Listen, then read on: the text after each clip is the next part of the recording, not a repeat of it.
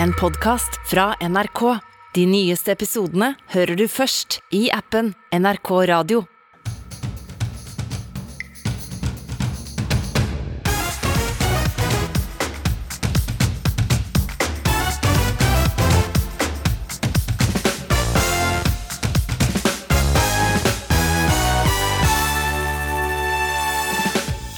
Lærerne har gjort det til en kunstform å syte, mener en jurist som er lei lærerstreiken før den har begynt. MDGs Une Bastholm ga seg som partileder. Må det være knalltøft å kombinere politikk og familieliv? Vi tar debatten. Og sommeren er over. Strømmen er dyr, renta stiger og hvalrossen Freia fins ikke mer. Så hva er meningen med livet? Vi har lett etter svar. Meningen med livet? Nei, altså det er jo gleden, da. Du må rett og slett bare finne denne gleden. Akkurat denne lille positive punchbacken som du får.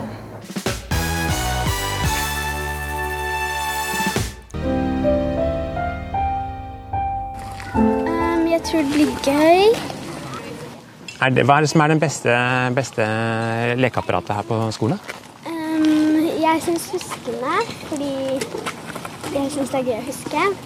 Men det er også litt dumt, fordi de er alltid tatt. De, de er alltid opptatt.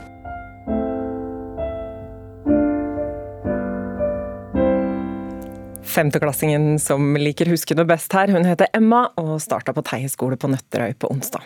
Men det er jo sånn at ikke alle får starte på skolen i år, for på mandag tas 1300 lærere ut i streik, flere steder over hele landet. Og når kommunene sier at kassa er tom, så kan det jo se ut at streiken kommer til å vare en stund. Og da blir du skikkelig irritert. Jurist og skribent Ørjan Greif eh, Johnsen. På midtnorskdebatt.no så skriver du at lærerne klager og dyrker sin egen negativitet. Hvordan gjør de det? Eh, jo, eh, jeg har lyst til å starte med den japanske forfatteren Haruki Murakami. Eh, da jeg leste boka hans 'What I Talk About, What I Talk About uh, Running', så var det én setning som jeg merka meg, og det var 'Pain is inevitable, suffering is optional'. Smerte er uunngåelig, lidelse er valgfritt. Eh, livet er jo hardt arbeid. Det er vondt for de fleste innimellom. Og det gjelder også yrkeslivet. Det er alltid noe vi kan sammenligne oss med innenfor samme gruppe eller andre grupper som har det bedre. Eh, men om vi velger å gjøre dette til en lidelse, det er valgfritt. Og der mener jeg at eh, lærerne gjennom flere tiår har gjort dette til en kunstform, å dyrke den lidelsen. Jeg kan ikke huske en lærer som har sagt noe positivt om eh, verken reformer eller lønnsoppgjør. Hei, Da passer du på å få på en lærer. da. Eh, Jørn Eirik eh, Henriksen, du er kontaktlærer på Østerås ungdomsskole, og så er du tillitsvalgt i Utdanningsforbundet. Og Du har skrevet en ytring på nrk.no tidligere i sommer under overskriften 'Er du masochist? Bli lærer'. Er det så slitsomt å være lærer, eller er dere bare litt kinky? Ja, altså, og Lærer er jo et fantastisk yrke. Altså, Jeg er utrolig glad i jobben min, og det er et spennende sted å være. Utrolig morsomt. Men vi er lønnstapere, eller har en svakere lønnsutvikling enn andre år etter år etter år. Og eh, vi formidler hvor bra yrke vi har hver eneste dag. Vi møter hundretusenvis av elever og voksne og foreldre hver eneste dag. og Der formidler vi gleden i det yrket vi har. Men når vi skal snakke ut til politikerne som stadig snakker oss ned, så må vi bruke store ord. Vi må bruke god retorikk, og det er det vi gjør. Ja, Skjønner du ikke det, Johnsen? God retorikk? Nei, jeg skjønner overhodet ikke det. Eh, den artikkelen der er jo også ikke akkurat en sånn Det er ikke akkurat turn-on i forhold til å få folk inn i læreryrket. Og i en sånn situasjon som det her, så politikerne er én ting, men eh, altså, folket, altså folket, opinionen eh, Sympatien man eh, er ute etter å skaffe seg, den tror jeg er rimelig fraværende etter hvert. altså. Ja, Hvorfor det? Da er det ikke bra for lærerne at de tar ansvar for å skaffe seg selv bedre vilkår? Jo, men han sier liksom at de år etter år har vært lønnstapere, men det er jo en sannhet med modifikasjoner. da. Altså Det har eh, skjedd masse endringer innenfor eh, kommunal sektor. Helsevesenet f.eks. har jo fått eh, langt flere medarbeidere de siste årene, med høy kompetanse. og når eh, det gis lønnstillegg, så gis det jo etter lengde på utdanning, ikke nødvendigvis hvilken stilling du innehar. Og når vi får helsepersonell med eh, høyere utdanning, så vil jo naturlig nok den gruppa vokse mer enn lærerne som allerede har høy utdanning. Er det sånn som Johnsen sier her, Henriksen, at du snakker ned eget yrke? Det er jo lærermangel, det er ingen som har lyst til å bli lærer hvis du bare klager hele tida? Altså, jeg syns ikke jeg prater med eget yrke. Jeg eh, poengterer ting, samfunnsutviklinger som er problematiske i forhold til skolen. Eh, ja, der eh, sykepleiere får mer eller har fått høyere utdanning, og det er en utjevning. Men vi har seks ganger eller seks år på rad nå hatt en svakere lønnsutvikling enn de andre kommunalt ansatte. Og siden 2004 er det, ser bildet enda verre ut. Og vi har en arbeidsgiver som stadig eh, plasserer ufaglærte inn i undervisning, som gjør at vår eh, yrkesgruppe blir utvanna. Ja, øh, ja, fordi Jonsen, hvis, du, hvis, hvis det er sånn at lærerne har det så bra som du sier, hvorfor klager de da? Jo, fordi at de har gjort det her til en eh, kunstform gjennom flere tiår. Altså, det er kos med misnøye. Og eh, når du sier at det er en rekke ufaglærte, hva legger du i det? Eh, det er jo Altså, For å være lærer så er jo lærerutdanning én ting, men det er jo en rekke folk ikke sant, som har eh, f.eks. mastergrad, bachelor i historie, de har kanskje noe religionsvitenskap. Er ikke de kompetente til å undervise f.eks. i historie, religionsvitenskap og samfunnsfag? Og jeg har bare lyst til å si én ting, at lærere er ikke uerstattelige på samme måte f.eks. som en lege. altså Skal du være kirurg, så må du ha legeutdanning. Skal du sitte bak spakene i en Boeing 747, så må du ha pilotutdanning. Men hvis du skal jeg er utdannet jurist, ikke sant? og innenfor kommunal sektor så er det jo en rekke oppgaver som kan gjøres av en jurist, men det kan også gjøres av en sosiolog. Ja, Det må du nesten få lov å svare på. Ja, og en lærer. Altså, for, og lærer. For å være en god lærer så må du ha fagkunnskap, du må ja. ha pedagogikk og du må ha didaktikk. Ja. Og en, for en veterinær vil ha en enorm kunnskap om anatomi, men du vil ikke gjøre den til en fastlege likevel. Altså, Skal man være, skal man fungere som lærer, og skal man ta det samfunnsansvaret. Og skolen har hatt en enorm utvikling de siste ti årene. Når jeg begynte på Østerås, så satt alle lærerne på én PC og skrev arbeidsplan. Nå har alle elever én til én. Det er en kompleks virkelighet som forenkles i debatten. Og det tror du gjelder kun lærerne? Nei, overhodet altså, ikke. Det, altså, det er jo an, også andre yrkesgrupper, også under koronaepidemien, som virkelig har fått uh, satt omstillingsevnen på prøve. Og Tror du det er kun lærerne som får pålagt andre arbeidsoppgaver, som rapportering? Det var til og med en lærer på Midtnorsk debatt jo, jeg må få fullføre det, til og med en lærer på Midtnorsk debatt som klaga over at nå måtte hun kopiere undervisningsmateriellet selv. Altså Det der med kontordamer og sånne ting, det forsvant en gang i forrige årtusen. Ja, det gjorde den fullstendig. Ja. Og, det, og, det, er kanskje bra? Ja, det er kjempebra. Ja. Og Vi liker å lage undervisningsoppleggene våre selv, og vi er nødt til å gjøre det nå når, når alt er digitalt og vi ikke har læreverk lenger. Men det er en annen debatt. Eh, vi, altså, Selvfølgelig er det en kompleks hverdag, og man trenger dermed gode mennesker. og Skal man få tak i gode mennesker, så er det lønn som er virkemidlet. Vi trenger godt utdanna lærere. Vi trenger variert kompetanse, ja, men vi må ha kombinasjonen fagkunnskap, pedagogikk og didaktikk. Jo, men kommunal sektor trenger også masse andre kompetente folk, og du kan ikke sammenligne en lærer f.eks. Med, en, med en ingeniør, altså en sivilingeniør. Jo. jo, nei, det kan du ikke. De er attraktive for det private arbeidsmarkedet på en helt annen måte. og altså, Vi lever i en blandingsøkonomi. Ja, det, det, er ikke noe planøkonomi. Staten kan ikke fastsette lønningene på alle områder. Da må også staten og kommunal sektor finne seg i å konkurrere på øh, vilkår med næringslivet. Ja, og vi konkurrerer og vi taper. Ja, Ørjan Greif Johnsen og Jørn Eirik Henriksen, tusen takk for at dere kom til ukeslutt. Inn, fød, ut, neste. Sånn har også denne sommeren vært for overarbeida jordmødre. Og en av dem som vet hvordan det er å bli mor når kapasiteten på føden er sprengt, er påvirker og treningsforbildet Jørgine Massa Vassstrand, her i et klipp fra TV 2-serien Funky Fam. Du kan forberede det så godt du kan, men det er liksom det du får gjort. Så det er liksom Det er en bragd å komme seg gjennom en fødsel. Kjempebra. Skifte pust og enda en tur. Og kom igjen. Litt til.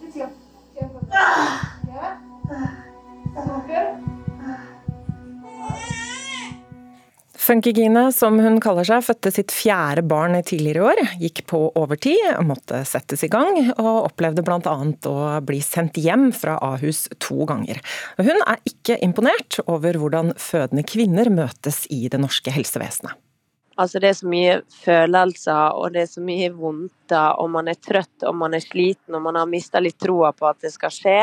Eh, og det å da bli på en måte sendt hjem, og kanskje ikke føle helt at man er satt i system noe sted, men at man bare er en del av et stort maskineri som dessverre ikke har kapasitet, det er på en måte Den er litt eh, tung å svelge. Eh, nå har jeg heldigvis veldig mange rundt meg som tar vare på meg og passer på, og som taler min sak hvis det er behov for det. Men eh, jeg kan jo tenke meg at den er enda tøffere om du står i det alene, sånn som f.eks. mammaen min har gjort når hun har født. Ja, dette var jo også ditt fjerde barn, så da har du jo litt erfaring. Men hva tenker du om å være førstegangsfødende under sånne forhold? Jeg tror det man føler på når man er gravid, altså uansett om det er første eller fjerde gang, det er at du gjerne vil at noen fra liksom, eller helsepersonell skal eh, omfavne det litt. At noen skal se på det og si at 'jeg vet hva du heter, jeg vet når du har termin', eh, 'vi tar vare på det, når du kommer hit så skal det skje sånn og sånn og sånn'. Og jeg tror kanskje det, det mangler litt. Spesielt på de store sykehusene så er man på en måte en av veldig mange som kanskje kjemper litt om muligheten til å få komme inn enten Eh, til observasjon eller til igangsetting, eller ønsker å være lenger på sykehus, og så er det rett og slett ikke mulig fordi de har ikke kapasitet. Jordmødrene har jo beskrevet sin egen situasjon i sommer som det er inn, fød, ut, neste. Hva tenker du om det? Mm.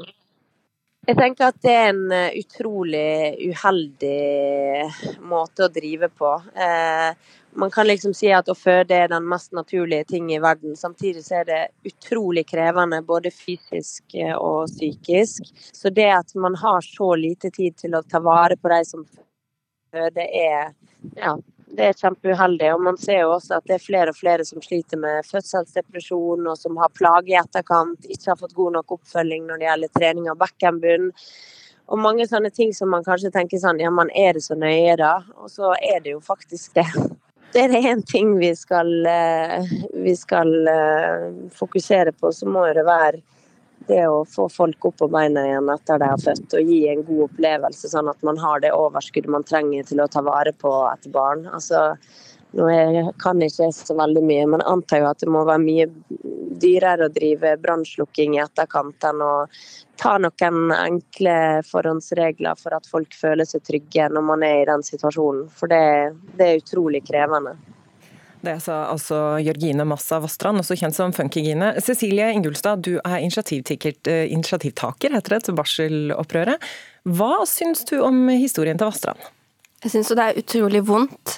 Nå har jeg hørt disse historiene så mange ganger, men jeg kjenner at hver gang så får det et stikk i magen og blir så lei meg på vegne av disse kvinnene. For nå er det jo blitt normaltilstanden på de store sykehusene i hovedstaden at kapasiteten er så presset at man ofte ikke får komme inn, så kvinner føder hjemme, underveis eller i døren på sykehuset. Så frykten for ikke nå frem, det gjelder ikke bare kvinner som bor langt unna sykehus på distriktet. Når du først kommer inn, er det mange som opplever å nesten ikke se jordmor, fordi jordmødre i sommer har fått beskjed om at de må regne med å ha flere fødsler samtidig. Og når du kommer over på barsel eller barselhotell, så er det ikke sikkert du møter en jordmor i det hele tatt, for det bemannes nå av sykepleiere, medisinstudenter og andre som verken har kompetanse eller erfaring med barselomsorgen. Statssekretær i Helse- og omsorgsdepartementet Carl Christian Bekking, hva syns du om det både Ingulstad og Vastrand forteller? Nei, Det viser at vi har eh, fortsatt en vei å gå. Eh, jeg må jo si at vi har en veldig god fødselsomsorg generelt i Norge sammenlignet med andre land. altså På kvalitetsindikator som spedbarnsdødelighet og andre ting, så, så, ligger vi veldig godt an. Eh, og også i tilbakemeldinger man, man, gjør systematisk, så er de fleste fornøyd. Men det betyr ikke at vi ikke kan bli bedre. og noe av det Jørgine peker på, er jo den sammenhengen mellom hva du kan forvente hva du håper på, hva du eh, ser for deg at dette skal bli, og hva som skjer på en fødeavdeling. Eh, og Der tror jeg vi har en god vei å gå i å skape en bedre sammenhengende svangerskap, føde- og barselsomsorg, og som noe også barselopprøret har trukket frem i sine innspill. Er vi gode sammenligna med land vi kan sammenligne oss med, Ingulstad? Jeg vil si for det første at overlevelse, det bør være et minimum. Og så spørs det hvilke når du sier at kvinner flest er fornøyde, da lurer jeg litt på hvilken tall du viser til. Den forrige landsomfattende brukerundersøkelsen det var i 2017, og der skårte også barselomsorgen mye dårligere enn fødselsomsorgen. Og mye av det vi snakker om nå, og de varslene som har kommet f.eks. fra alle bydelsjordmødrene i hele Oslo, de sier at kvaliteten er blitt dårligere og dårligere de siste årene. Så veldig mye kan ha skjedd siden 2017. Så jeg tenker at vi må spørre kvinner på nytt, og vi må se på hva er det vi spør om. For det handler ikke bare om at mor og barn overlever, sånn som Jørgine sier. Det er mye dyrere å drive brannslukking i andre enden. Og det er jo det kommunejordmødrene sier nå. Det er det vi gjør. Vi må snakke med traumatiserte kvinner etter fødsel. Vi må se på sting som går opp. Vi må ta inn mødre som ikke har kommet i gang med ammingen, og som har babyer som har blitt så slappe at de ikke dier, mens foreldrene egentlig tror at de er mette og bare sover. Så jeg tenker at her er vi i en situasjon som er akutt. Og det å hvile seg tilbake og si at vi er veldig veldig flinke, da er vi på en måte et problem og ikke engang kan løse problemene, for vi har ikke engang felles virkelighetsoppfatning. Eh, jeg vil innvende at jeg åpnet med å si at vi har forbedringspotensial her. Absolutt. Eh, og jeg tror også det er en sammenheng eh, mellom det medisinske og veldig mye av de tingene som, som du trekker frem nå, knyttet til hvordan man, man, blir, hvordan man, blir, møtt i løpet av en svangerskaps-, fødsel- og, og barselsforløp. For det er klart det trekkes mye ressurser inn mot nettopp å holde overlevelsen høy. Det å sørge for at alle kan oppleve en trygg fødsel har vært et, et stort overordnet mål i norsk uh, føde- og barselomsorg i lang tid. Kanskje også slik at hvorfor, man ikke har tenkt Hvordan definerer du en trygg fødsel da? Fordi Vastrand sa jo at hun ikke følte seg trygg. Altså det er eh, på de, altså på de, kriteriene som vi da sier at ja, spedbarnet overlever, veldig mange mødre klarer seg. Eh, noen får noen utfordringer som vi må ta tak i, men jevnt over så er norsk føde- og barselomsorg god. Men det betyr ikke at vi ikke skal prøve å finne de eh, organisatoriske løsningene som gjør at vi også kan ivareta da, de som trenger den oppfølgingen. For det er jo det Jørgine peker på. altså Noen trenger mer hjelp enn andre. og Der kan man da bli litt for standardisert når man sier at alle skal over den samme kammen. Men nå er vi på en situasjon hvor det på OS har sluttet så mange jordmødre at man må stenge en hel avdeling. Det betyr at kvinner kommer inn så sent, og det sier de at de har allerede så mye adrenalin i kroppen at man kommer ikke ordentlig i gang i fødselen. Da må du gripe inn. Det fører også til mer komplikasjoner for kvinnene. Det er igangsettelser som blir stoppet stoppet underveis. Altså jeg mener, Det her handler jo faktisk også om det medisinske, for det stresser mor, og det stresser barnet. Så jeg tenker at her må vi se nøyere på hva er det vi egentlig måler, hva er det vi liksom er bra nok. Det er ikke bare at mor kom akkurat ut i livet sammen med barnet sitt. Og Dette er jo ikke den første sommeren vi hører om dette, Carl Christian Bekeng, statssekretær i Helse- og omsorgsdepartementet. Når blir det bedre? Eh, vi håper at det blir stadig bedre. Eh, vi er jo også nå inne i en, en situasjon Men håper, hva gjør dere da? Det vi gjør er at vi eh, øker bemanningen. Vi har jo brukt i underkant av 100 millioner ekstra i 2022 nettopp for å styrke bemanningen. Og så må vi se på organisering, for det er en utfordring at i politikernes ønske om å skape en bedre føde- og barselsomsorg, så har man laget masse regelverk som legger mye forventninger både til sykehusene og kommunene, slik at de ansetter opp på begge steder, og så får man disse hullene i vaktplanene. og Da må man kunne klare å se hele den kommunale og sykehus, eh, føde- og barselomsorgen i sammenheng fremover. Kort til slutt, Ingulstad. Ja, dere sier at dere bemanner opp. Det har aldri vært så få jordmødre på OS når du ikke engang har jordmødre omtrent igjen på barselavdelingen, da er det, det er en fallitterklæring. Og det de jordmødrene jeg har snakket med i kommunen og på sykehus sier til meg, spør oss, snakk med oss. Spør oss hvorfor vi ikke orker å jobbe på sykehus når det er det fødsler, det er det vi brenner for, det er yrket vårt. Da ble det siste ord til Cecilie Ingulstad, initiativtaker til Barselopprøret. Tusen takk for at dere begge to kom til ukeslutt. Og saken om funkingene den kan du som hører på altså lese på nrk.no. Et halvt århundre med norsk filmfest skal feires i Haugesund i kveld. Endelig skal altså verdens verste menneske roses på hjemmebane også. Men Ever Ildis, du er på plass i Haugesund. Har du sett noen stjerner, eller? Ja, jeg har faktisk sett Ja, og jeg, skal jeg begynne å nevne noen navn, så kan jeg jo begynne med, med den aller eh, viktigste i norsk filmhistorie. Liv Ullmann har jeg sett. Jeg har sett eh, alle i verdens verste men menneske, med eh, bl.a. Renate Reinsve. Og nå står jeg faktisk på, i gågata i Haugesund, og her må man nesten stå i kø for å komme seg frem. Fordi det er mange som har samlet seg i Haraldsgata, for det er Haugesunds svar på Hollywood Boulevard. For her er det flere stjerner som har fått navnet sitt huget i stein. Det er Jakob Oftebro, det er Liv Ullmann, det er Ane Dahl Torp, det er Kristoffer Joner. Og snart skal fire andre få navnet sitt på disse steinene, og da skal vi ta en prat med dem og høre hva de syns om akkurat det. Denne uka ble 30 gardister kasta ut av Forsvaret etter å ha innrømma bruk av kokain, ecstasy og marihuana på en privat fest mens de var i permisjon. Ukeslutts reporter Magnus Bratten dro på vaktbytte på Slottsplassen for å lodde stemningen blant de som fortsatt har som jobb å passe på kongen vår. Ja, det er sånn vi er vant til å se dem. Marsjerende eller stående i vakt. Rake i ryggen og med nypussa sko. På Slottsplassen i Oslo samler det seg flere hundre tilskuere.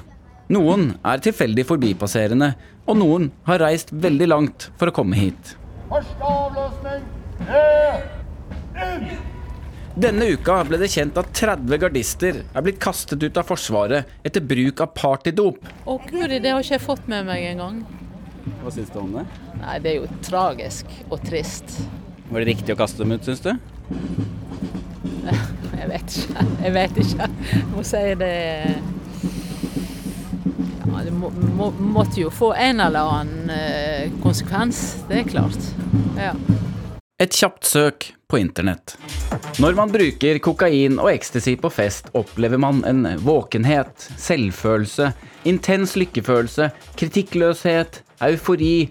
Kvalme, hodepine og hjertebank er vanlige bivirkninger. Kan medføre hjerneblødning, hjerteinfarkt, hjertestans og død.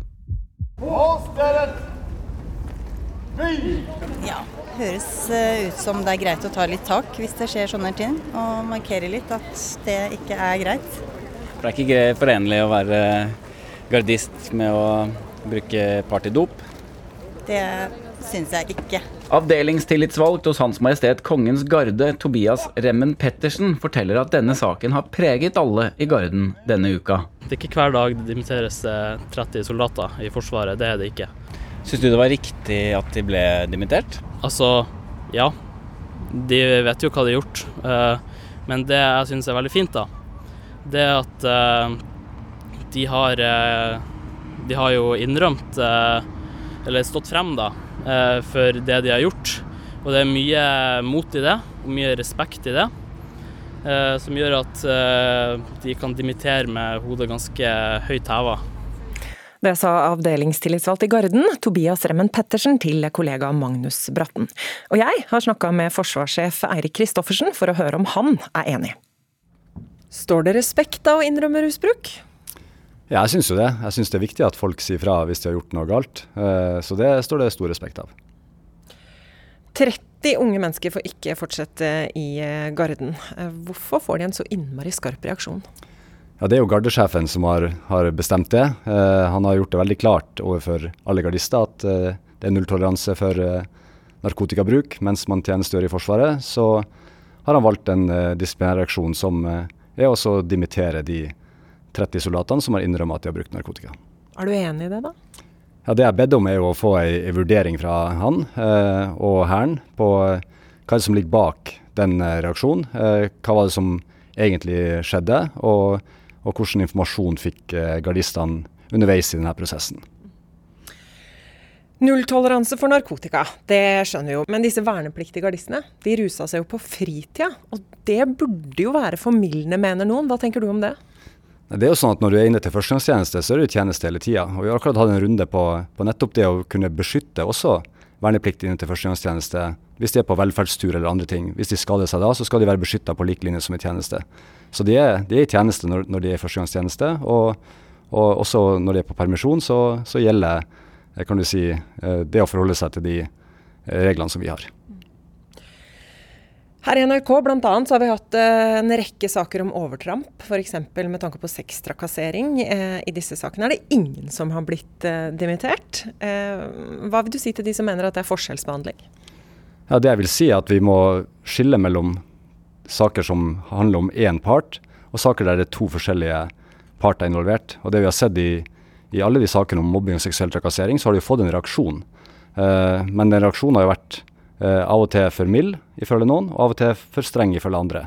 Så, så det, er, det, er, forskjellige saker å innrømme noe som er kun én side av saken på, og der det er flere uh, parter involvert. Vet vi noe om hva han de er satt til å beskytte mener om denne saken? Det har jeg ikke spurt, uh, men jeg tenker at han stoler på, på vurderinga til gardesjefen. På samme måte som jeg gjør det.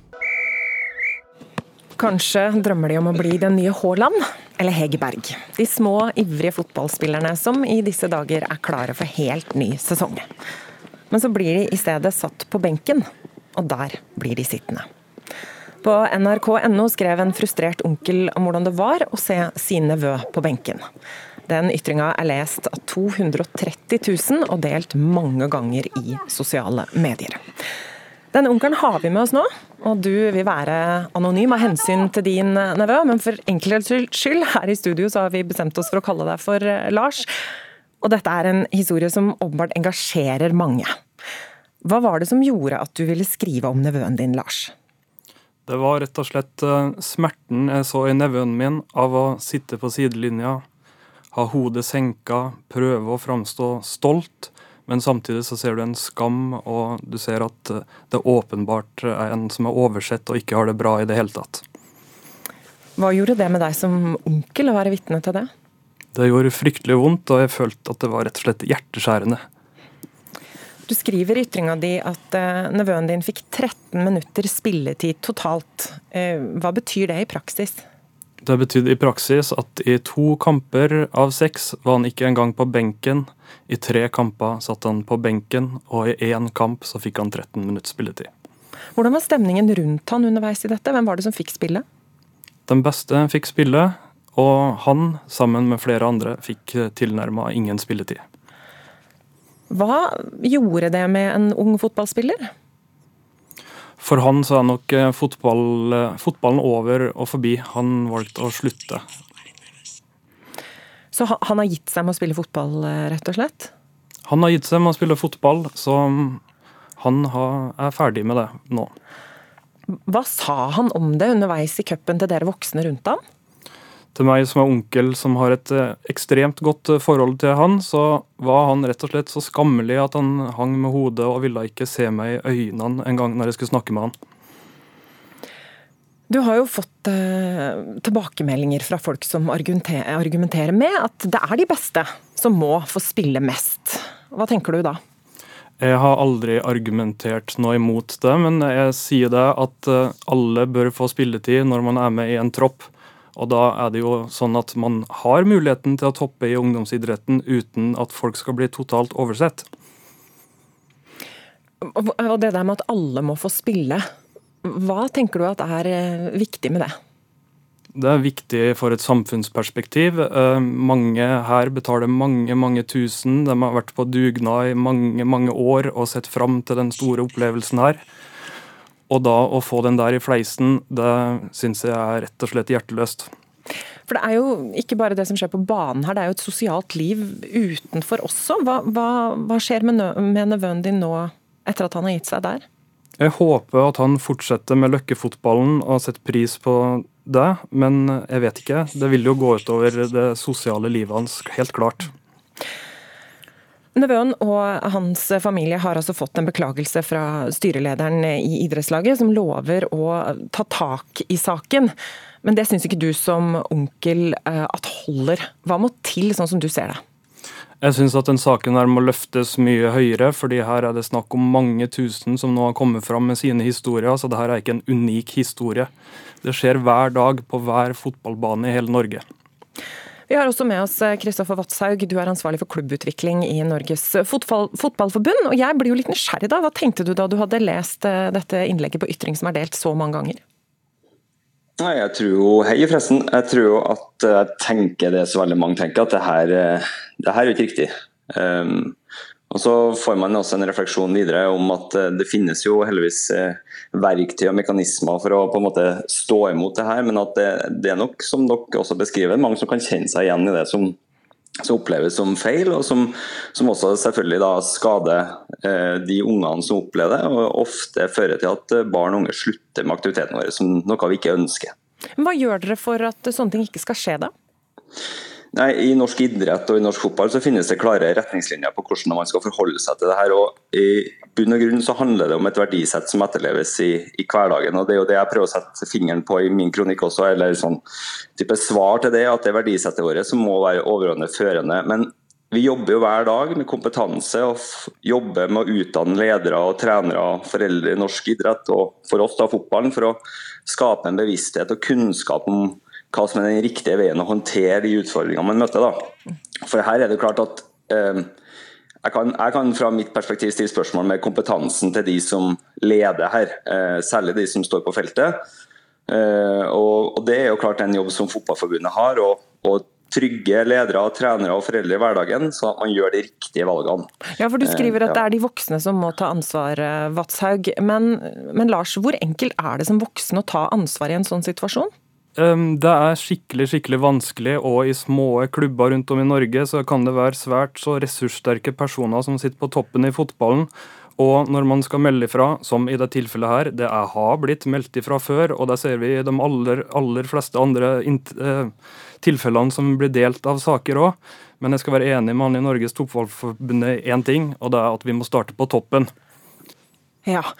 Kristoffer eh, Vasshaug, tilbake igjen til, eh, til deg. da. Du, de, de voksne bør ta ansvar, eh, som sagt, og man må starte på toppen. Men når det blir så viktig å vinne at en trener ikke ser barnet som sitter der, bør man få lov å trene barn da? Nei, jeg syns det er et veldig godt spørsmål. Altså, og jeg er jo liksom Premisset med at det er vanskelig, det er vi enig i. Altså men det betyr jo ikke at vi gir oss for det. Sant? Og det er jo det viktigste her, at det er vi som voksne og ledere i norsk fotball på ulike nivåer som må stå for det som vi mener er rett, og den måten vi bygger idretten på. Fordi at det er vanskelig å stå på feltet på en kamp eller på en trening og se alle hele tida, det er det. Det er helt, helt, grunnleggende vanskelig å være en god pedagog. Men det betyr ikke at vi slutter å prøve og slutter å etterleve rammene og verdiene som norsk idrett er bygd opp på. Så det at jeg, jeg måte, det, vi må gi oss, da, og det hele premisset er at vi kan ikke, fordi at vi møter ei stengt dør én gang og noen som ikke lytter, så er vi nødt til å pushe videre. og jeg, jeg mener også at det er et ansvar som vi må ta på ulike nivå. Både jeg som sitter i min posisjon i Fotballforbundet og ulike ledere og trenere i norsk fotball, og også foreldre. Det å forstå premissene. Sette seg inn i det, gå i dialog. og, og selv om det høres litt sånn enkelt ut når man på en måte beskriver det, så, så inngangen i en kamp, i en serie og en turnering det handler om medbestemmelse. Det handler om at man er enige om på forhånd hvordan skal vi ha det. Og Her kan det høres ut som det her konkrete eksempelet som om man ikke er egentlig helt enig. At ikke foreldrene helt vet at spillerne ikke har fått medbestemmelse, at trenerne ikke har satt seg ned og brukt tid. Og, og det, er, det, er, viktig for oss videre at vi, vi, jobber med kompetansen. og Det kommer Fotballforbundet til å fortsette med på akkurat samme måte som i dag. Og trygge ledere, og trenere og foreldre i norsk idrett. Men at det begås feil, det vet vi. Men vi gir oss jo ikke for det. Det gir seg ikke, sier Vatshaug i Fotballforbundet. Hva tenker du som onkel om det, Lars? Tror du at nevøen din kommer til å tørre å prøve seg på å spille fotball igjen? Han tør nok ikke å begynne på igjen med fotball, vil jeg tro. Og jeg ser på det som et stort problem som alltid har vært der i fotballen. Og ord hjelper ikke, det må handling til for at vi skal klare oss å løse det her for mange barn hver dag. Jeg har vært først talsperson og så partileder i Miljøpartiet De Grønne i over seks år nå. Og jeg har vært gjennom tøffe og slitsomme perioder før. Men jeg har måttet erkjenne at denne gangen er annerledes. Mangelen på overskudd til lederjobben den kommer innenfra. Og det er det ikke så veldig mange andre som kan hjelpe meg med. Det må jeg sjøl ta konsekvensen av. Og Folk er jo forskjellige, men sånn som jeg er skrudd sammen, og akkurat der jeg er nå i livet, så er det blitt for mye å lede partiet vårt nå på toppen av de to andre viktige oppgavene, altså å være mamma og det å være stortingsrepresentant. Ja, Noen måneder bare etter at hun sa ja til å fortsette som leder, så kasta lederen av Miljøpartiet De Grønne inn håndkleet. Une Bastholm hun skal fortsette som stortingsrepresentant og mor, men gir seg som partileder. Hennes valg traff meg hardt, skriver du i et innlegg på Trønderdebatt, Ida Spjelkavik. Hva mener du med det? Nei, jeg er jo stum av beundring for det UNE har stått i, og det UNE har fått til som partileder. Og jeg tror ikke det er mange andre partiledere i Norge som kan fortelle at de har vært gjennom to graviditeter, to fødsler, eh, to perioder med små barn. De går begge i barnehagen, de to jentene. Og så lever det her 24-7-livet som det å være partileder er. Jeg syns hun har vært helt eh, rå, og hun er et utrolig politisk talent som har klart det her så lenge som hun har. Du er assisterende kommunikasjonssjef for Norsk Sykepleierforbund, men så har du tidligere vært rådgiver for Arbeiderpartiet og vært aktiv i AUF siden tenåra. Hvorfor er det så vanskelig å bli aktiv i politikken igjen? Konkrete eksempler. Ja, nei, altså Det er jo noe som skjer konstant og hele tida. Og jeg har jo reflektert litt rundt flere ganger om man skulle ha gått inn i det livet igjen. Men jeg må si akkurat nå så er jeg fornøyd hvis jeg har maskara på ett øye og en halvrein skjorte på meg. Altså det, og det er bare det å tenke da at Une har hatt to barn i det her, er én unge. Eh, man sover ikke, man spiser ikke, man lever. Altså Det er fantastisk å ha barn. Jeg er så glad for å ha barn. Men det er et intenst liv, eh, akkurat denne småbarnsfasen. Og det å kombinere det med toppolitikk det virker helt eh, rått. Og all heder og ære til dem som klarer det. Ja, for Du mener at det er et demokratisk problem du at Une Bastholm gir seg nå? Ja, jeg skrev vel det, og det var vel litt med tanke på sånn representasjon. Altså, jeg syns jo det er viktig at det er plass i politikken til folk i alle livsfaser og at det er plass til alle typer mennesker i politikken. Det der mangfoldet, da, at alle stemmer blir hørt. Og Da syns jeg jo det er så flott også at vi har hatt en eh, partileder med to små eh, unger. og Det tror jeg er et forbilde for mange. Og jeg tenker sånn, F.eks. i New Zealand, der de har hatt en statsminister som har født. Hva betyr det for andre gravide å tenke at man kan være statsminister og så ta en pause for å føde og så komme tilbake og fortsatt være statsminister? Jeg synes det er så flott med sånne rollemodeller. Jeg tror det gjør at flere har lyst til å gå inn i politikken politikken. Da. Men det å ha en jobb og være mor samtidig, er det jo mange som sjonglerer. Hvorfor er det så vanskelig i politikken? Nei, altså jeg tror også vi skal ta med at politikken altså Si f.eks. når Une var på partilederdebatt i fjor i Arendalsuka. Da la hun ut et bilde på Instagram rett før der hun satt og amma en veldig liten baby og hadde resten av fanget fullt av papirer. Minutter etterpå så gikk hun og møtte landets statsminister og toppledere, eh, toppolitikere i resten av landet som sto der på live TV på et tidspunkt der de fleste av oss med småbarn sover. Sånn at det er noe med den her, og I tillegg så kan vi legge litt sånn glasur på denne kaka. Det er jo alt hatet. Nå har jeg fått ganske mye hat etter jeg skrev denne eh, kronikken. Og det er jo bare en brøkdel av det folk som UNE må stå i hver dag. Så jeg tror også vi må ta med den dimensjonen med hvordan medieverdenen er nå, med sosiale medier og sånn, det gjør det. Det er utgangspunktet tøft å være kvinne i politikken, og så får du i tillegg mye hat og mye motstand, som jeg vet UNE også har fått eh, i sin hverdag. Vi skal til en mann i politikken. Torbjørn Røe Isaksen, nå samfunnsredaktør i E24, tidligere Høyre-politiker og statsråd. Underveis i din politiske karriere så fikk du tre barn. Nå er du snart i bursdag med noen av dem. Forstår du Une Bastholms valg? Ja, jeg forstår det kjempegodt. Eh, og da må jeg si at jeg, jeg fikk jo tre barn, men jeg har jo ikke født tre barn. Eh, så jeg har jo vært da, men jeg har vært småbarnsfar og mann i politikken, og det er nok litt annerledes. Eller ikke bare nok, det er litt annerledes enn å være småbarnsfar og kvinne i politikken, men det er noen berøringspunkter. Og, og, og det er nok som, som Ida Spjelkavik sier her, at på den ene siden sant, så er nok norsk politikk er trolig mer tilrettelagt for småbarnsforeldre enn i veldig mange andre land. I den regjeringa jeg satt i, så var det to gyldige grunner til å dra tidlig fra regjeringskonferanse. og Det var hvis du skulle til Stortinget, og hvis du skulle levere i barnehage. Men punkt to, så er det fortsatt sånn at det er en ekstremt krevende fase å være småbarnsforelder. Og på mange måter så blir jo politikken også mer krevende, i den forstand at vi lever i et informasjonssamfunn. Vi må forholde oss til eh, at det ikke finnes deadliner i politikken. Eh, politikere må forholde seg til at folk flest på godt og vondt har meninger om dem eh, døgnet rundt. Og det I tillegg til da at en del av infrastrukturen i norsk politikk er jo ikke lagt opp for småbarnsforeldre. Stortinget har ofte kveldsmøter f.eks. Alt det må man jo leve i, og det, det, skjønner jeg veldig godt er ekstremt tøft. Spjelkavik mener jo at det er et demokratisk problem, Røe Isaksen. Hva, hva tenker du om det? Ja, jeg ville kanskje ikke gått så langt til å si at det er et demokratisk problem. Eh, sånn, altså, for, å si, for å si litt, eh, litt annerledes, vi vet ikke helt. Men altså, vi vet at småbarnsforeldre, unge voksne for å si det på den måten, er en underrepresentert gruppe i politikken. Eh, og det er et demokratisk problem hvis politikken blir veldig ulik og ikke klarer å speile den norske befolkninga. Så I den forstand så er også det at småbarnsforeldre, altså hvis vi får en politikk hvor det nesten ikke er mulig å være småbarnsforelder eh, uten å slite seg helt ut i norsk politikk, så, så, kan det bli et demokratisk problem. Hva kan vi gjøre for å få til en mer familievennlig politikerhverdag? Da? Nå kan du, kan du begynne i ja. kaoset ditt der, Torbjørn Røe Isaksen. Nei, vi, vi, vi, altså En del ting er jo gjort allerede. Jeg, jeg vet jo at på Det norske storting for eksempel, så, er så er det jo en diskusjon om noen av de møtemønstrene man har, kanskje er litt dårlig tilpasset småbarnsforeldre. Eh, det, er, eh, det kan man også tenke på i kommunepolitikken. Eh, men så tror jeg kanskje det aller viktigste det er at vi må ha en politikk hvor det er mulig å gå inn og ut. Det er helt lov å si at vet du hva, nå skal jeg i disse fire åra så blir det korps- og småbarnsforeldre-livet. Og amming kanskje hvis er så små barn. Men så vil jeg komme tilbake igjen. Men da kan det ikke være sånn at du er nødt til å være i politikken hele tiden fra ungdomspolitikk til regjering for å kunne få en mulighet. Nei. Får du litt lyst til å komme tilbake nå, Ida Spjelkavik, når, eh, etter at du har tatt en pause? Jeg synes jo at det er to ting, det må være, Systemet må være på plass. sånn som Torbjørn sier, Det må begynne å skje ting der man begynner å se på for eksempel, de begynt å ha voteringer mer rundt to-tre-tida. Veldig bra. sant? Altså sånne type ting. I partipolitikken så er det veldig mye kveldsmøter, helgemøter. Det å se på hvordan man kan få det der til å bli mer eh, familievennlig. da. Det er jo sånne ting som jeg tenker må på plass. Og så handler det litt om kultur. Kultur for å si nei, akkurat da kan ikke jeg ha møte, da henter jeg i barnehagen. Eller akkurat da passer det ikke, da holder jeg på å levere. Da er det legging. Altså At man har en kultur der man kan tørre å si ifra, tenker jeg, i arbeidslivet generelt. Da. Hvordan type tilrettelegging trenger du for å, for å fungere.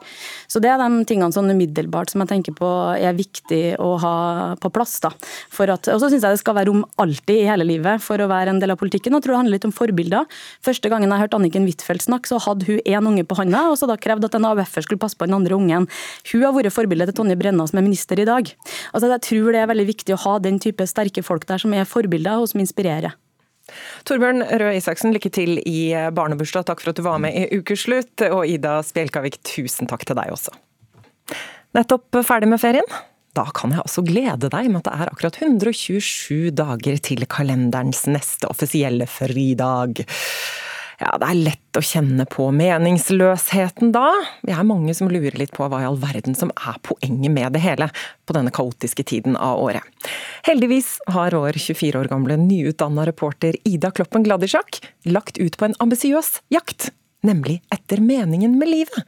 Og hvor begynner man å lete etter svar i 2022?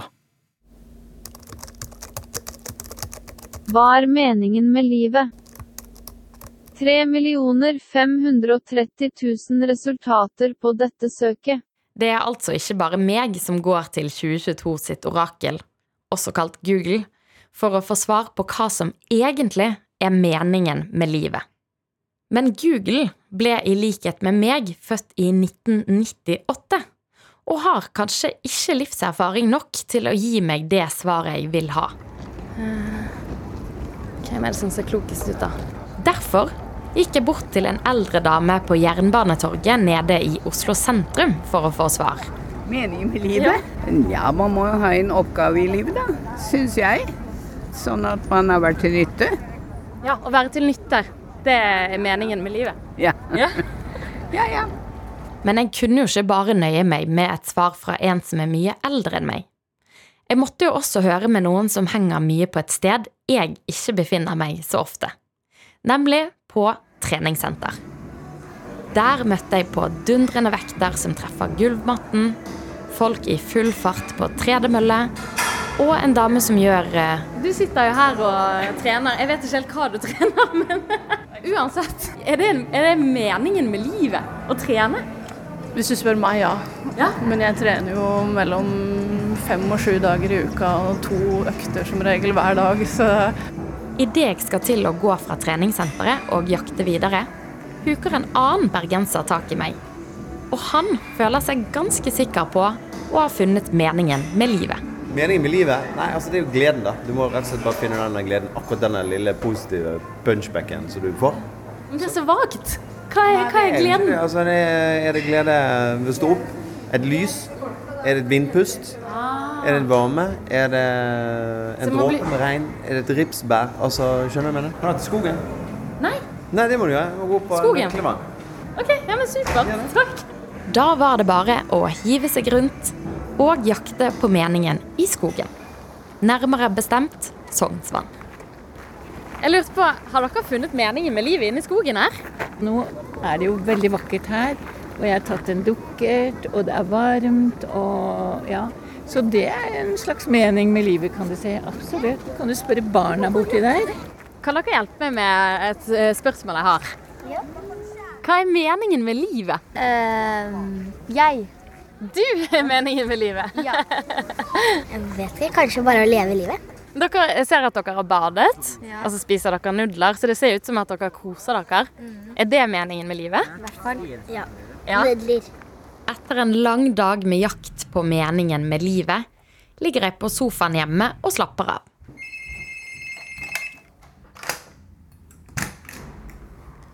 Hallo! Hei, velkommen. En som nesten alltid har gode svar, det er pappa. Så da kunne jeg jo ikke gi opp jakten helt enda. Kjapt spørsmål før vi går ut og spiser. Hva er meningen med livet? For et spørsmål. Hæ? Og da ikke engang pappa kunne gi meg et tydelig svar. Da ble jeg nødt til å ta opp telefonen. Hallo. Hei! Og ringe til en fyr som har reist langt og lenger enn langt etter meningen med livet. Lars Berrum, du har vært eh, en måned alene på Bali i vår. Har nylig kjøpt en hytte på Nesodden, satt opp et standup-show basert på Nietzsche. Har du funnet meningen med livet? Nei.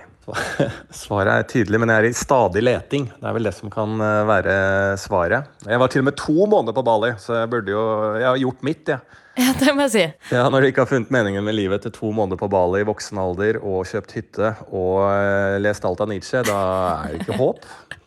Ok, men hva, gjør du, hva gjør du da? For, for min del så er det å eh, ha det bra i eget uh, selskap. Uh, så lenge jeg greier det, så har jeg på en måte funnet, om ikke meningen, men uh, der jeg har det bra i livet. Og så kan jo meningen være så mangt. Ja, Nei, men gode tips.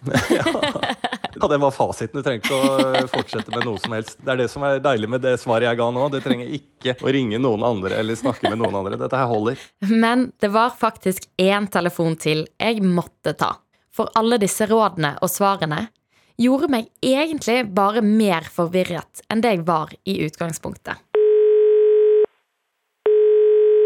Thomas Hylland Eriksen, nå Jeg er litt utslitt eh, av eh, denne letingen, og så begynner jeg å lure. Trenger jeg egentlig å finne en mening med livet? Det korte svaret er nei. Du trenger ikke en mening med livet. Livet har ikke mening, livet er mening. Sosialantropolog og forsker Thomas Hylland Eriksen kom nemlig ut med boken Syv meninger med livet denne uken. Og selv om jeg helt ærlig var litt lei av denne jakten på meningen med livet, måtte jeg jo ta et siste råd fra eksperten. ja, det rådet jeg vil da gi, det er at senk skuldrene og tenk på at du, kroppen din eh, eh, ikke eh, slutter ved huden, men den slutter ved alle forbindelsene dine til omverdenen. Og det er andre mennesker, det er eh, eh, fortellinger, det er ting du har lest, ting du har hørt, ting du har opplevd. Alt det som gir livet ditt et innhold, et, en fylde. Altså livet er relasjoner. Ok, da var det kanskje bare å lukke både Google og PC-skjermen. For eh, livet og hva som er meningen med det, det er tydeligvis ikke å finne der. I Hollywood så går de altså for gullstjerner på bakken. I Haugesund så går de for ei litt romslig dame i granitt. Jeg veit hva jeg syns er mest eh, sympatisk. Og reporter Minerve Rildis, du står sammen med Maria Blokhus og Pål Sverre Hagen du nå i Haugesund, som skal få sette sitt avtrykk på filmbyen. Ja, de har faktisk eh, gjort det nå. Det er en stor granittblokk her. Den jeg står eh, ved akkurat nå, den tilhører Marie Blokhus. Der er det navnet hennes, at hun er en skuespiller, og så er det en fantastisk eh, autograf som hun har. Eh, nesten hele Haugesund har samlet seg her. Det kan man si. Det var et lite regnskyll som la en demper på feiringen her, men det har ikke hindret haugesunderne. Nå står jeg her med Marie Blokhus. Hun står ved siden av eh, granittblokka, som skal stå her til evig tid. Du, hvordan er det å ha navnet sitt eh, eh, i Haraldsgata på Haugesund? Det er en stor ære. Eh, å se rundt på de andre navnene som står her, så må jeg klype meg litt i armen for at jeg blir betrakta som en som kan være i dette selskapet. Du, nå får ikke våre, lytterne våre sett det. Hvem er det som står her egentlig? Eh, i dag som har fått stein. Ja. det er meg som var så heldig, og så er det Pål Sverre Hagen, så er det Annike von der Lippe, og så er det Bjørn Floberg. Alle veldig dyktige kollegaer som jeg ser opp til og beundrer i veldig stor grad. Og alle de fire de er i selskap med Liv Ullmann, Aksel Hennie og alle de store navnene vi har. Du, Hva betyr det for deg som eh, skuespiller å ha navnet ditt eh, her? Det er veldig inspirerende. Det betyr at, eh, at jeg på en måte eh, at jeg har eh, Ja, at jeg får en slags bekreftelse på at det jeg holder på med ikke er helt på tur. Så det gir jo selvtillit og inspirasjon til, til videre arbeid. Kjempebra, gratulerer. Jeg går videre til Pål eh, Pål Sverre Hagen. Du, Hvordan er det å få navnet sitt huget i stein her i Haraldsgata? Det er jo fantastisk. Det virker som at steinene de det er gode, gode lysforhold her. Ligger ved siden av apoteket. Det syns Bjørn og jeg iallfall. Det var betryggende. Og du, eh, Hva betyr det for en skuespiller å få navnet sitt eh, akkurat her? Det er utrolig kjekt eh, og veldig stas for meg. Jeg tror for meg og Marie, som er her da sammen med to mer erfarne kolleger, som jeg virkelig må si på beina av oss begge, tror jeg, det, de er verdensklasse. Bjørn Florberg og Annike von der Lippe. Det er en stor ære å være her sammen med de og, og få denne hederen. Fantastisk. Gratulerer igjen. Ja, da har eh, de eh, fire skuespillere fått navnet sitt eh, i granitt her i Haraldsgata. Det er Bjørn Floberg, det er Annike von der Lippe og Marie Blokhus og Pål Sverre Hagen, som vi snakket med akkurat nå. Og hun som gjorde det, hun heter Minever Yldis, og det er altså i kveld at Amanda-prisene deles ut i Haugesund. I går så ble han altså kasta ut av Facebook og Instagram. Mannen som kalles TikToks farligste fenomen, og har ikke du hørt om han, har garantert tenåringen gjort det. Andrew Tate har gjort seg stor og rik på sine kontroversielle meninger. You better, if you're my friend, you just can't be a pussy. Well, had a heart attack. Get the fuck up. Fuck's wrong with you? Med flashy solbriller, sigar i kjeften og en veltrent skjorteløs overkropp slenger Andrew Tate med kjeften fra en yacht eller et privatfly. A man can only cheat if he loves someone else. If I have a woman who I truly love, and I go out and fuck, and I come back to her, and I don't care about her, and I only love my girl, that's not cheating. That's exercise. If she even talks to a dude, it's cheating. Hvis en mann elsker en kvinne, er han ikke utro om han har sex med en annen han ikke elsker. Men hvis en kvinne ser på en annen mann, er hun utro, er blant uttalelsene som har gitt ham tittelen kongen av giftig maskulinitet. Toxic masculinity. Yeah, I, uh, I've got that. I've got that title. Toxic masculinity is a term that was invented by women nobody wants to fuck. 36 år gamle Tate er en britisk-amerikansk kickbokser som har tjent seg rik på tvilsomt vis. Ikke hørt om han? Vel, videoene hans er sett over 12 milliarder ganger. And anyone who sits here and tells me, well, depression's real, you're telling me that your mindset is weak. And I'm not going to adopt the thinking of weaklings. I'm busy living fucking life. Andrew Tate der, altså. Emma Adnayab, du er eh, 23 år, student, tiktoker, og kaller deg gjerne Norges Andrew Tate. Jeg har fått eh, det navnet på meg, og det er fordi vi Jeg vet ikke, folk har bare snakka om meg, de har sett mine ting, hva jeg poster osv., så, videre, så har de på en måte sammenlignet meg og han, da. Ja, Hva er det du kjenner deg igjen i det? Nei, altså, Det jeg og Tate har til felles, er at vi er ikke redde for å dele våre meninger, og vi tør å si ting som det er, i stedet for å prøve å gjøre ting mindre, da, holdt jeg på å si. Så vi er begge veldig ærlige og direkte. Og vi rett og slett tør å si ting akkurat som det er. Ting gutter eller folk tenker, men ikke sier ut høyt, da. Eh, Ja, hva er det? Har du noen eksempler? Uh, noen eksempler. Det kan være veldig mange forskjellige ting. Uh, hvis jeg skal komme på noe akkurat nå, så er det f.eks. Så ble det et tema, da. at kvinner f.eks. har veldig mange flere privilegier enn menn i 2022 i Norden og Vesten. Og da Det er jo ikke noe som er veldig populært å si. Men Hvilke privilegier tenker du på da? da? For eksempel da, så er det mye lettere å skille seg ut som en kvinne når det gjelder status, når det gjelder oppmerksomhet fra det motsatte kjønn. For eksempel så har jeg veldig mange venninner som får gratis drikke på byen hver eneste dag. De blir kjørt overalt gratis. Det er menn som betaler dem 10 000 kroner for å spise middag med de. Og så får de, de rett og slett får de mye mer oppmerksomhet av det motsatte kjønn. Og det er veldig mange andre faktorer også. Hvordan, I vennegjengen din, hvordan snakker dere om Andrew Tate der? Uh, Vennegjengen min, altså kompisen min, sier liksom Han sier det vi gutter tenker, men ikke sier, liksom. At, vi, at, dit, at alt han sier, er liksom ting vi har tenkt veldig lenge, da. Men som ingen har turt å si for, for å ikke bli dømt eller ikke bli kritisert av andre. Ja, men han mener jo f.eks. at kvinner delvis må ta skylden for voldtekt selv. Eh, nei, det føler jeg ikke. Jeg føler at han sier at uh, jenter kan gjøre ting for å unngå det.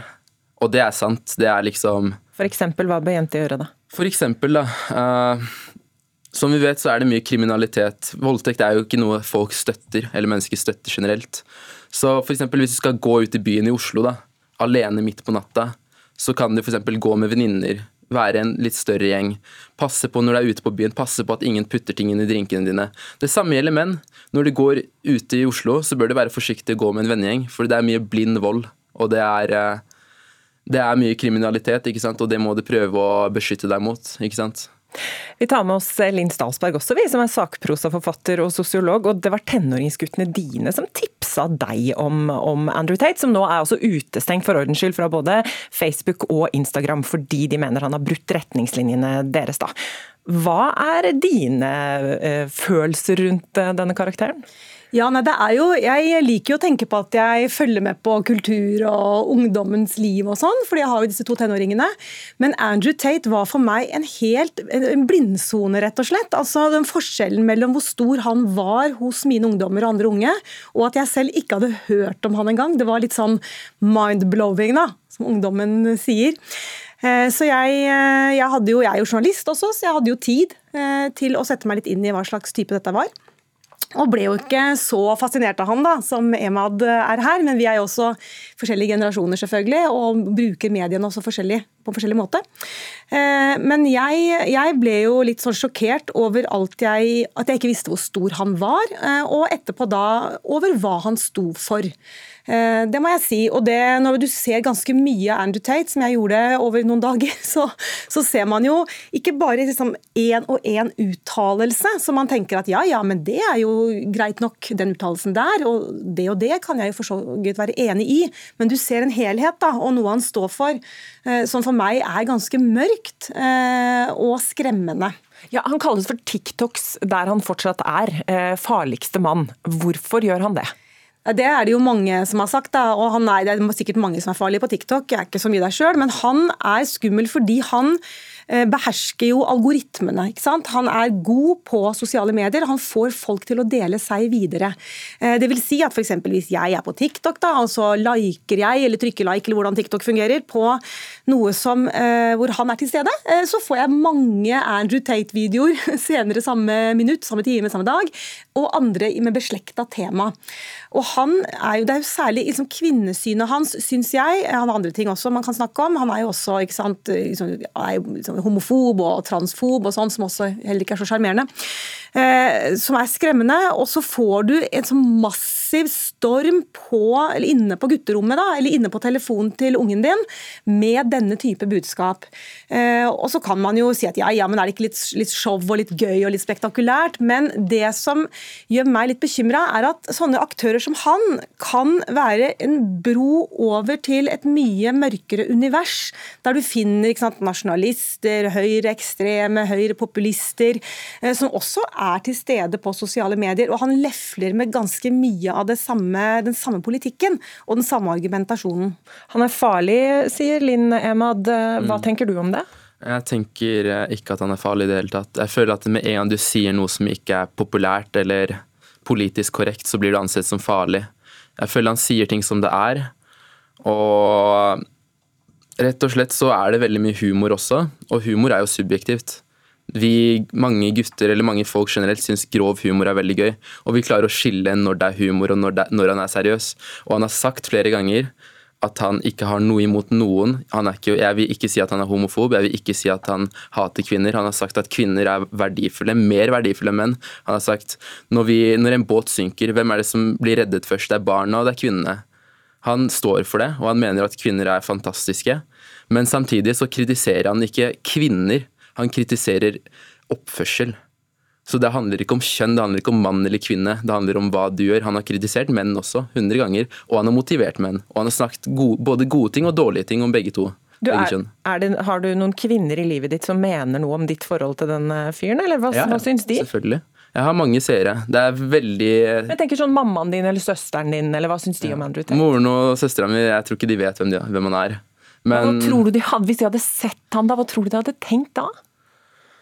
Jeg vet ikke. Eh, Det er ikke sikkert de hadde skjønt eh, tankegangen hans. Men eh, det er veldig mange jenter som jeg har på Snapchat, på Instagram, på mine sosiale medier, som støtter og er enig i det han sier. Og så er det veldig mange som ikke er det. Så det, det, det er forskjellig. Min sannhet og din sannhet trenger ikke å være det samme. En mus og en ørn har ikke samme perspektiv, ikke sant? men jeg klarer å se forbi showet, og jeg klarer å se forbi humoren og se, jeg klarer å se hvordan type person han er. Og når han har hatt eh, samarbeid med andre kjente youtubere, så ser du virkelig hvem han egentlig er, og ikke den han på en måte skaper seg til å være. Er det bare humor som ikke skjønner Linn Stalsberg? Eh, Nei, det er det ikke. Og eh, dette her er jo det samme hvis du går på YouTube og følger f.eks. høyreekstreme profiler, da mener jeg høyreekstreme amerikanske profiler, så bruker de presis det samme argumentet når de hetser jøder eller svarte eller kvinner eller hva de ikke sant, herjer med. da. Det, er, bare humor. Vi bare tuller. Hvis ikke du ler, eh, så, så er du kjip. ikke sant?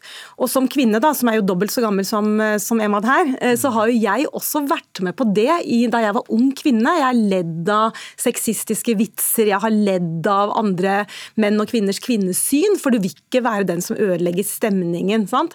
Eh, Og det, det er en slags en hersketeknikk også som Tate og hans følgere bruker, at dette er jo bare morsomt. Men det er ikke noe morsomt å si at eh, ja, men jeg er en sånn alfahans, jeg kan være utro mot dama mi. Det er ikke noe morsomt å si at en kvinne på 26 har hatt for mange partnere, hun er ikke, hun er ikke verdig lenger. En kvinne på 18 er mye bedre. Han sier jo en masse sånne ting, og han kan si så mye han bare vil. At jeg elsker kvinner, jeg setter de høyt. Men i praksis, summa summarum det han sier. Hadde jeg hatt en datter, så hadde jeg vært livredd for at hun skulle møte en som Andrew Tate. Det er helt sikkert at vi ikke er helt ferdig med Andrew Tate uansett, eh, tror jeg, framover. Emad Nayab og Linn Stalsberg, tusen takk for at dere kom til ukeslutt. Da er det bare å ta plass i tidsmaskina. Vi skal 30 år tilbake i tid. Miss Universe is Miss Norway, Mona Groot! Det er jo den eh, personen fra Stjørdal som på kortest mulig tid har klart å bli så berømt. Er det en stor dag? Ja, det er en kjempedag. det. Her på hele proffen, jo. Står det. Ålreit. The best Olympic Winter Games ever. Så skal det handle om denne her. Og denne da skal da erstatte hunden. For det elektroniske kjæledyret Tamagotchi kom til Norge i mai, og hysteriet ser ikke ut til å bli mindre her enn i USA og i Asia. Og her, her står Bjørn Dæhlie på toppen av seierspallen. Hele Norge dansa Macarena. Mona Gruth fra Stjørdal ble norsk Miss Universe, og vi ble introdusert for våre aller første elektroniske kjæledyr. Men var det egentlig bare idyll på 90-tallet? Debatten den har gått i sommer. Og Elin Sofie Rabbevåg, i et innlegg på NRK Ytring tidligere i sommer, så skriver du at nesten alt var bedre på 90-tallet. Hva er det du savner da? Jeg syns 90-tallet var ei innmari fin tid. Um, Dette var jo tida før eh, sosiale medier og internett hadde så vidt kommet. og Det var girl power, Friends og Nintendo og eh, Absolute Music. Fredagstaco og Grandiosa. sant? Og um, Hva jeg savner? Jeg savner å sende brev, kanskje få brev. og savner engangskamera. Litt sånn dugnads, dugnadsånda da, som, som jeg syns levde eh, på 90-tallet. Det savner jeg. Eirin Eikefjord, du er politisk kommentator i Bergens Tidende, og du har blitt litt lei av alle som har brukt sommeren på å idealisere 90-tallet. Hvorfor har du blitt det? Fordi at alt var jo ikke bedre før, og det var jo ganske drit å leve før sosiale medier òg. Vi har bare glemt det. Eh, og så er jo 90-tallet alt dette, men noe av det har vi fortsatt med oss. Og veldig mye av det er det ingen grunn til å savne. Og så vil jeg gjerne bare minne om at 90-tallet var jo òg magetopper og Eurotrans og Thousand Island og delfintatoveringer og missekonkurranser. Så det er jo på en måte ikke eh, Og det er jo lett at nostalgien tilslører alt dette. Så jeg bare jeg røsker fram noe av litt, eh, de litt kjipere elementene med dette tiåret. Ja, ehm, er det bare nostalgi, egentlig? Er det ikke sånn at alle egentlig lengter litt tilbake til barndommen? Jo, men altså Barndommen Selv om eh, jeg var barn, så har jo 90-tallet liksom danna sånn, en grunnmur da, for, for hvem jeg har blitt som voksen. Um, så, så, jeg er glad jeg, for at jeg, jeg, var så heldig å, å, slippe å vokse opp i ei tid uten mobil, telefon, um, og at jeg fikk lov å gå og kjede meg. Sant? Det var jo slik jeg, jeg ble kreativ. ja. Eirin Eikfjord, du skriver jo at det var like ille å ha Cindy Crawford sine pupper på sånne boards byen rundt, men er det noe bedre å ha rumpa til Sofie Elise i ansiktet på mobilen? Nei, jeg tenker kanskje like ille, og det er jo litt av poenget mitt. Sant? For Man trekker jo gjerne fram disse influenserne som romantiserer dårlig selvbilde på TikTok.